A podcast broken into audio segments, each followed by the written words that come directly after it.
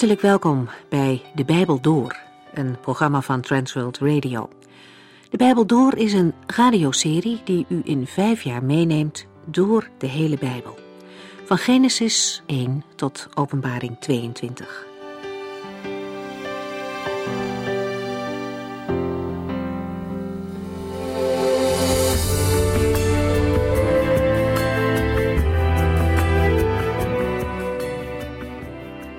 In Matthäus 13 vertelt de Heer Jezus verschillende gelijkenissen. Door deze verhalen legt hij meer uit over wat het koninkrijk van de hemelen is. Om de draad op te pakken kijken we nog even over welke gelijkenissen het de vorige keer ging. Onkruid. Er lijkt soms geen einde aan te komen. Als er na een paar mooie zomerdagen regen valt, dan schiet het overal op en het lijkt dan meteen dat de hele tuin onverzorgd is. De Heer Jezus gebruikt het onkruid als voorbeeld om van te leren. Een boer zaait graan, maar s'nachts komt zijn vijand en hij zaait er dolik tussen. Dolik is een ontzettend verraderlijk onkruid. Het lijkt eerst sprekend op graan, maar het is giftig en pas als de halmen verschijnen wordt het verschil tussen die twee pas goed zichtbaar. In de vergelijking is het goede zaad het woord van God. Maar de vijand, de Satan, strooit er zijn giftig onkruid doorheen. Het gaat dan om valse leer, een vals evangelie. De Heere geeft aan dat beide samen opgroeien, tot de tijd van de oogst. Dan zal aan de vrucht duidelijk zichtbaar zijn wat goed graan is en wat onkruid is. In deze tijd is het de taak van gelovigen om het goede woord van Christus te zaaien, om het door te geven. De volgende gelijkenis ging over een mosterdzaadje. Een heel klein zaadje, maar er kan wel een enorme struik van drie meter uitgroeien. En dat is het beeld van het koninkrijk van de hemelen. Het begint klein, maar dat groeit enorm uit. Deze gelijkenis laat iets zien van de invloed van de christenen in de wereld. En dan volgt de gelijkenis van het zuurdeeg met een soort gelijk effect. Ook dat begint klein, met een klein beetje zuurdeeg, maar dat kleine beetje doortrekt het hele meel, zodat het in zijn geheel bederft. Er staat dat de vrouw het zuurdeeg verstopte in het meel. Het hoorde er niet thuis. Het zuurdeeg, of gist, wordt ook gezien als beeld van het kwade.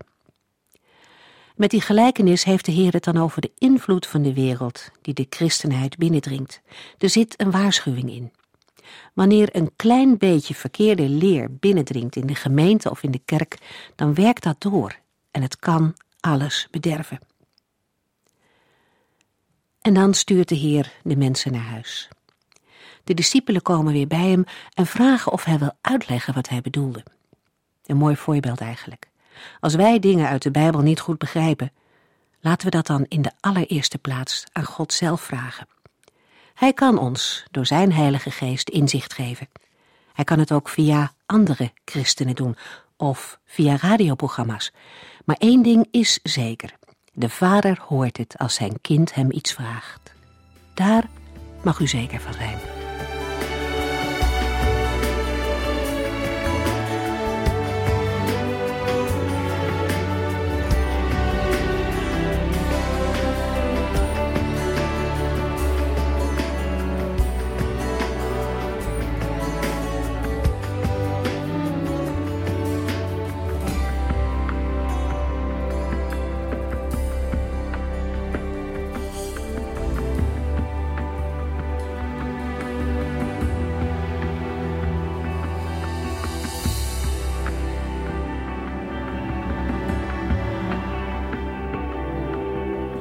Nu volgende drie gelijkenissen werden niet aan het volk verteld, maar alleen aan de leerlingen van de Heer Jezus.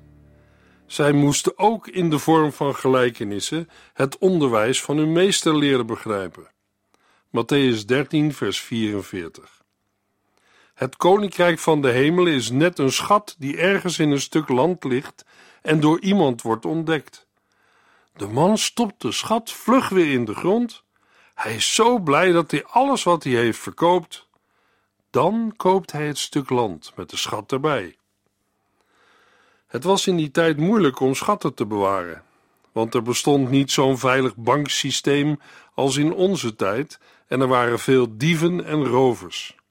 Vooral in tijden van oorlog werden er veel schatten begraven. De mens die de schat bij toeval, waarschijnlijk bij het ploegen, ontdekt, is een arme dagloner die op de akker van een ander werkt. Na het vinden van de schat verbergt de man de schat weer. Daarvoor zijn drie redenen aan te wijzen. Ten eerste moet de schat een deel van de akker blijven, want volgens het Joodse civiele recht kocht je een akker met alles erop en eraan, tenzij anders afgesproken. Ten tweede moet de schat veilig gesteld worden tegen dieven. Ten derde moet de vinder het geheim houden. De gelijkenis wordt op twee verschillende manieren uitgelegd. De eerste zegt dat het Jezus is die een schat vindt en koopt. De schat is dan het volk Israël. Israël is Gods bijzondere eigendom. Exodus 19 en Psalm 135. In dat geval leert de gelijkenis dat de Heer Jezus alles prijsgeeft om zijn volk te redden.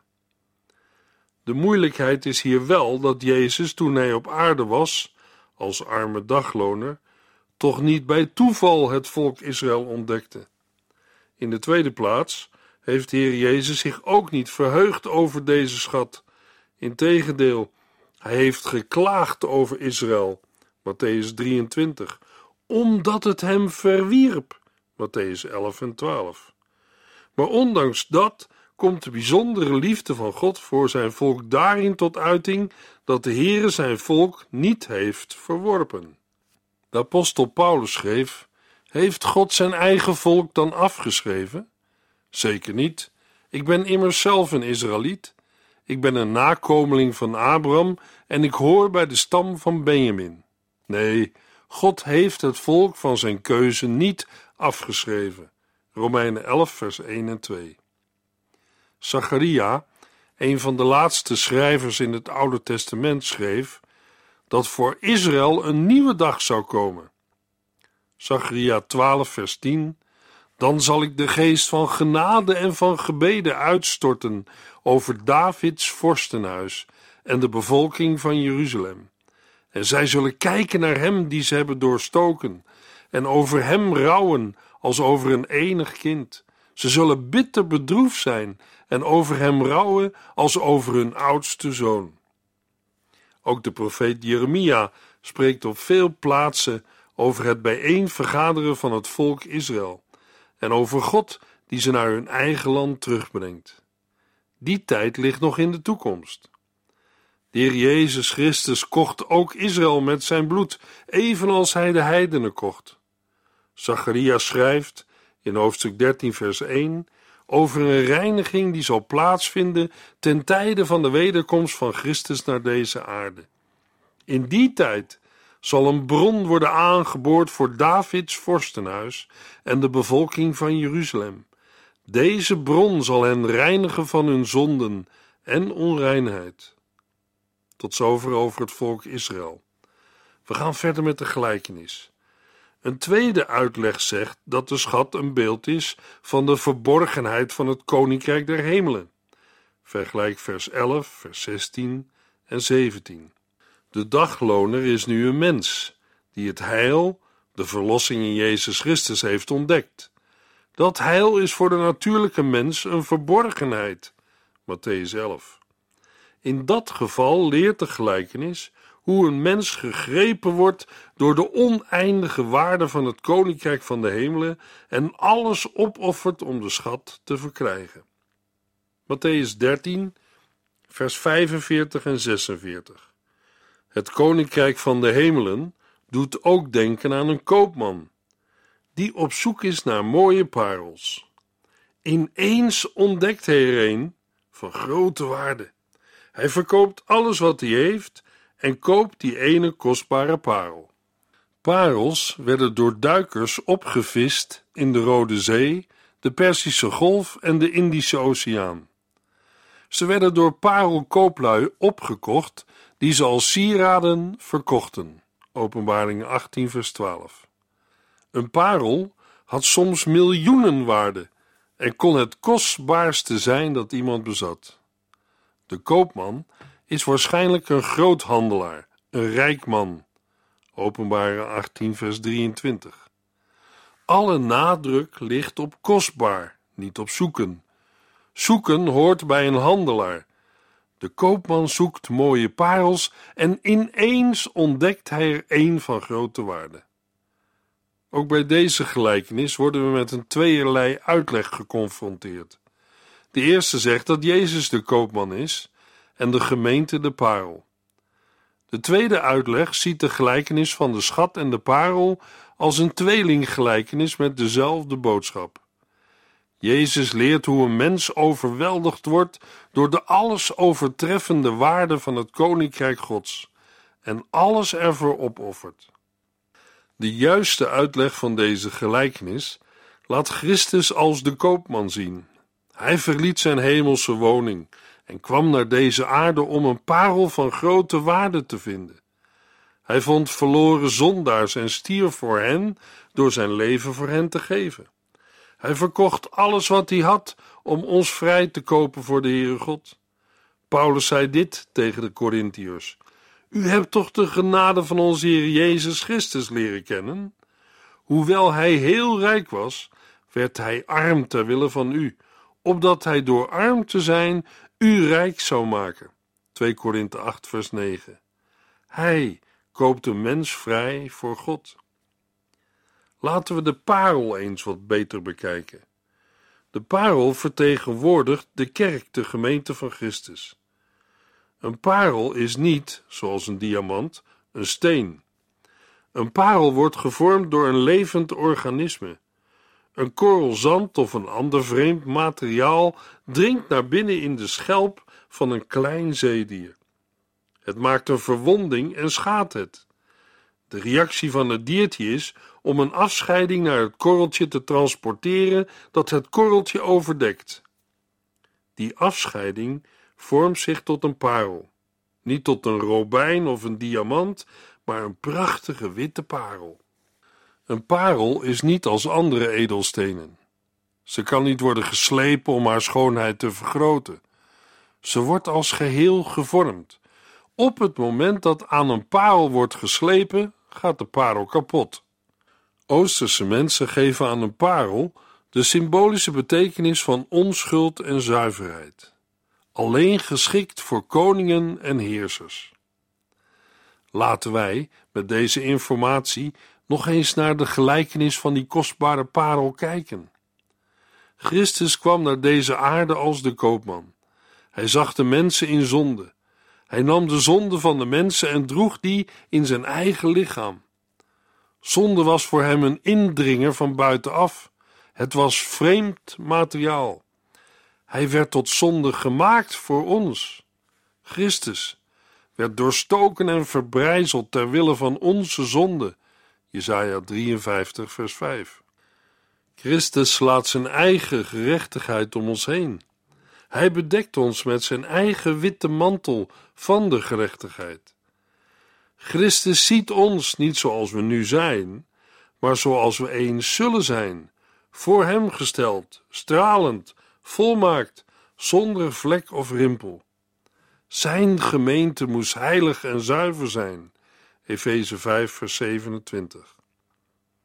Christus gaf alles wat hij had, opdat hij de kerk mocht verwerven.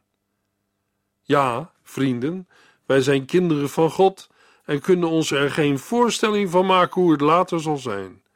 Maar wij weten één ding: als Christus komt, zullen wij zijn zoals Hij, omdat wij Hem dan zien zoals Hij werkelijk is.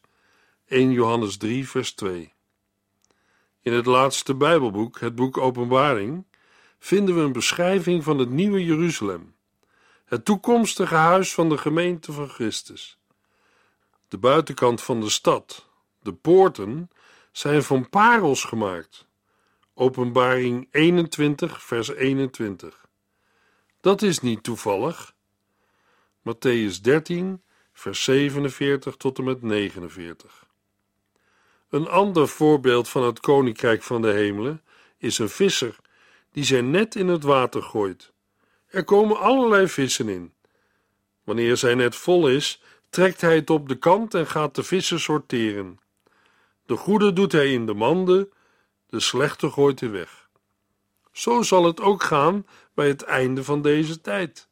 De engelen zullen komen om de slechte mensen van de goede te scheiden.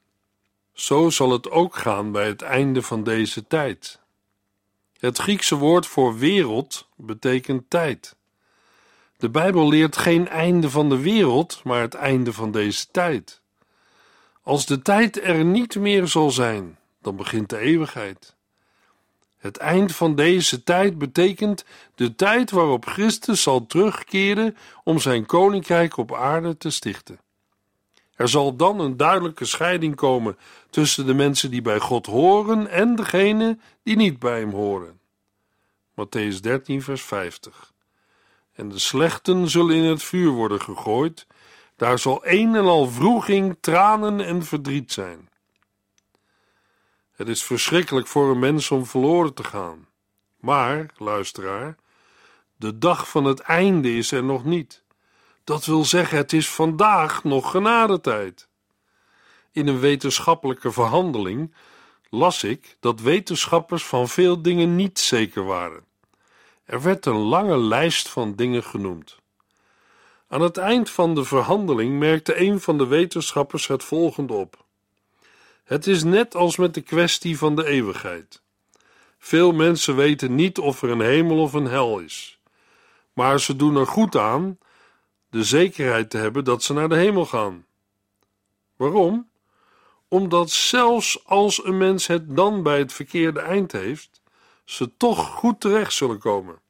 Maar als een mens het fout heeft, zal het zeker erg slecht met hem of haar aflopen. Opmerkelijk dat een wetenschapper zoiets zegt.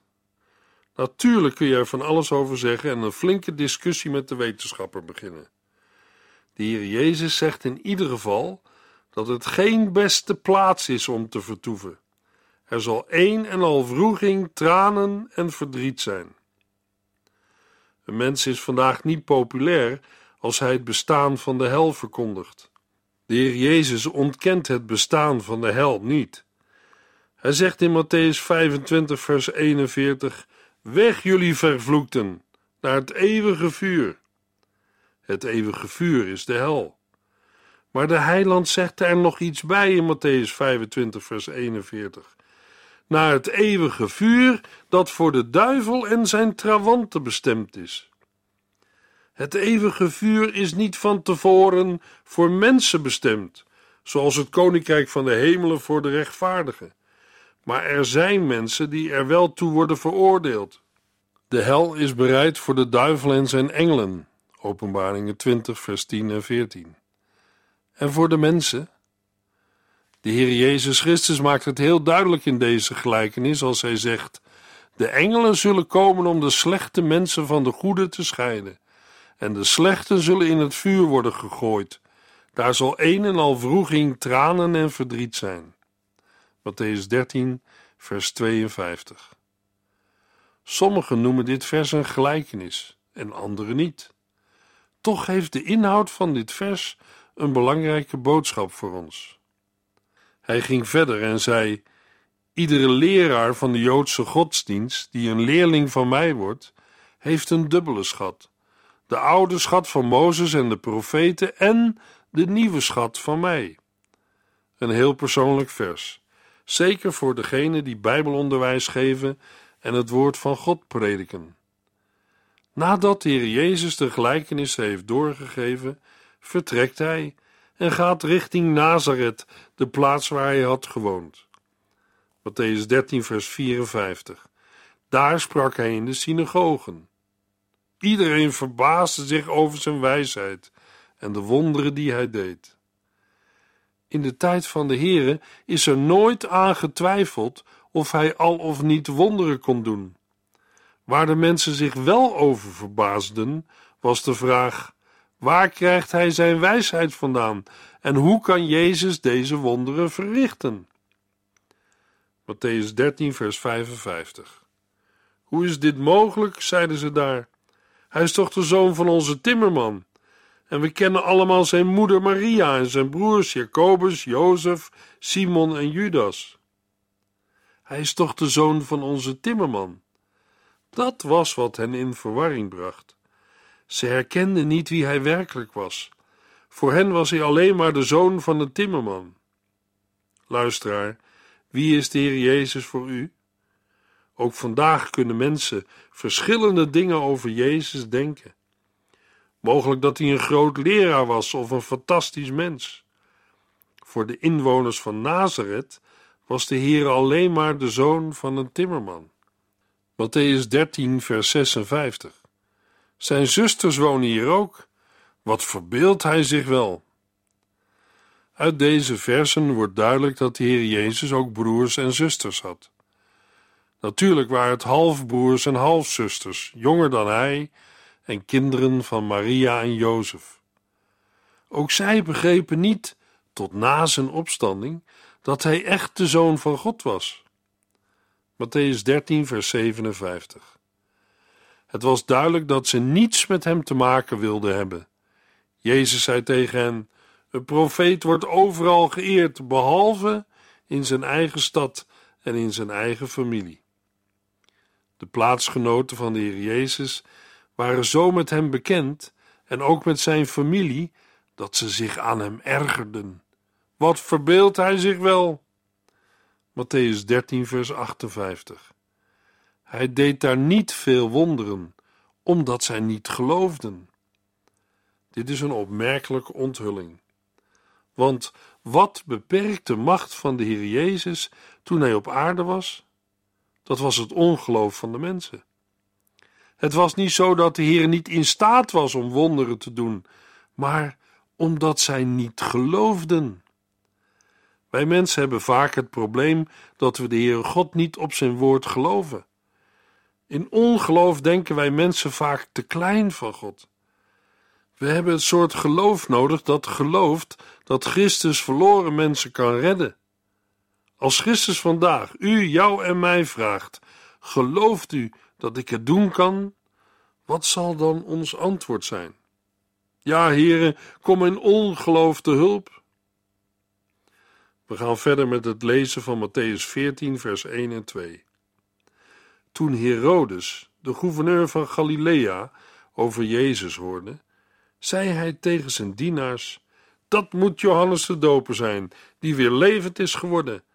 Daarom kan hij al die wonderen doen. Matthäus gaat verder met de geschiedenis van Jezus als koning en het conflict met de geestelijke leiders. Matthäus 14 laat de gebeurtenissen zien die naar deze crisis leiden. Het begint met de dood van Johannes de Doper, wegens een toezegging van Herodes. Hij moet een eed houden. De lugubere moord is een openlijke schandaad tegen oprechte eerlijkheid en gerechtigheid. De Herodes waar het in Matthäus 14 om gaat, is Herodes Antipas, zoon van Herodes de Grote. Hij regeerde als viervorst, een stadhouder van een klein gebied, over Galilea en Perea, van 4 voor Christus tot 39 na Christus. Hij stichtte de stad Tiberias, genoemd naar keizer Tiberius, als hoofdstad van zijn gebied, aan de westelijke oever van het meer van Galilea. Het gerucht over de wonderen van Jezus had ook Herodes bereikt. Dat gebeurde na de dood van Johannes de Doper. De Heer Jezus trekt zich terug, niet omdat hij bang is, maar omdat zijn tijd nog niet is gekomen. In het vervolg van Matthäus 14 vinden we ook een verslag van een van de meest belangrijke wonderen van de heiland. De spijziging van meer dan vijfduizend mensen met vijf broden en twee vissen. Het enige wonder dat in alle vier de evangeliën beschreven staat. Matthäus 14, vers 1 en 2. Toen Herodes, de gouverneur van Galilea, over Jezus hoorde, zei hij tegen zijn dienaars: Dat moet Johannes de Doper zijn, die weer levend is geworden. Daarom kan hij al die wonderen doen. Dat klinkt bijgelovig, en dat is het ook. Het is de bijgelovigheid van Herodes. In zijn tijd waren heel veel mensen bijgelovig. Iemand zal zeggen: Gelukkig zijn we vandaag niet meer zo bijgelovig als toen. Nou, nou, ik vraag me af of dat zo is. U moet er maar eens op letten. Hoeveel mensen geloven in horoscopen en sterrenbeelden? Oosterse godsdiensten en alles omheen hebben een geweldige invloed in onze moderne tijd. Een mens zonder God is van nature bijgelovig. De wonderen van de Heer Jezus maakt het geweten van Herodes wakker aangaande de moord op Johannes. Om politieke redenen, tolerantie naar het Romeinse gezag, wilde Herodes behoren tot de Sadduceeën die de opstanding ontkenden. Maar toen het gerucht over Jezus hem ter oren kwam, geloofde hij dat Johannes weer was opgestaan. Een lichamelijke opstanding voor de komst van de dag des Heren werd voor mogelijk gehouden, maar we moeten hier eerder denken aan bijgeloof. In de geschriften van de Joodse geschiedschrijver Flavius Josephus komen we gelijksoortige opmerkingen tegen over het bijgeloof dat geesten van gestorven mensen als demonen in levende mensen terugkeren. Johannes de Doper had, tijdens zijn leven, geen wonderen gedaan. Maar het volksgeloof leerde dat iemand die was opgestaan uit de dood wonderen kon doen. De eerste versen van Matthäus 14 zijn een terugblik op wat eerder was gebeurd. Toen Herodes, de gouverneur van Galilea, over Jezus hoorde, werd hij onmiddellijk achterdochtig en bang. Hij had Johannes de Doper gedood en dacht nu dat Johannes in de figuur van Jezus was teruggekomen. Herodes geloofde dat Johannes de Doper uit de dood was opgestaan. Hij had de voorbode van de Heer Jezus vermoord. Hij was zelfs bereid om nu ook de Heer Jezus Christus om te brengen. De volgende versen zijn een terugblik op de dood van Johannes. Daarover hoort u meer in de volgende uitzending.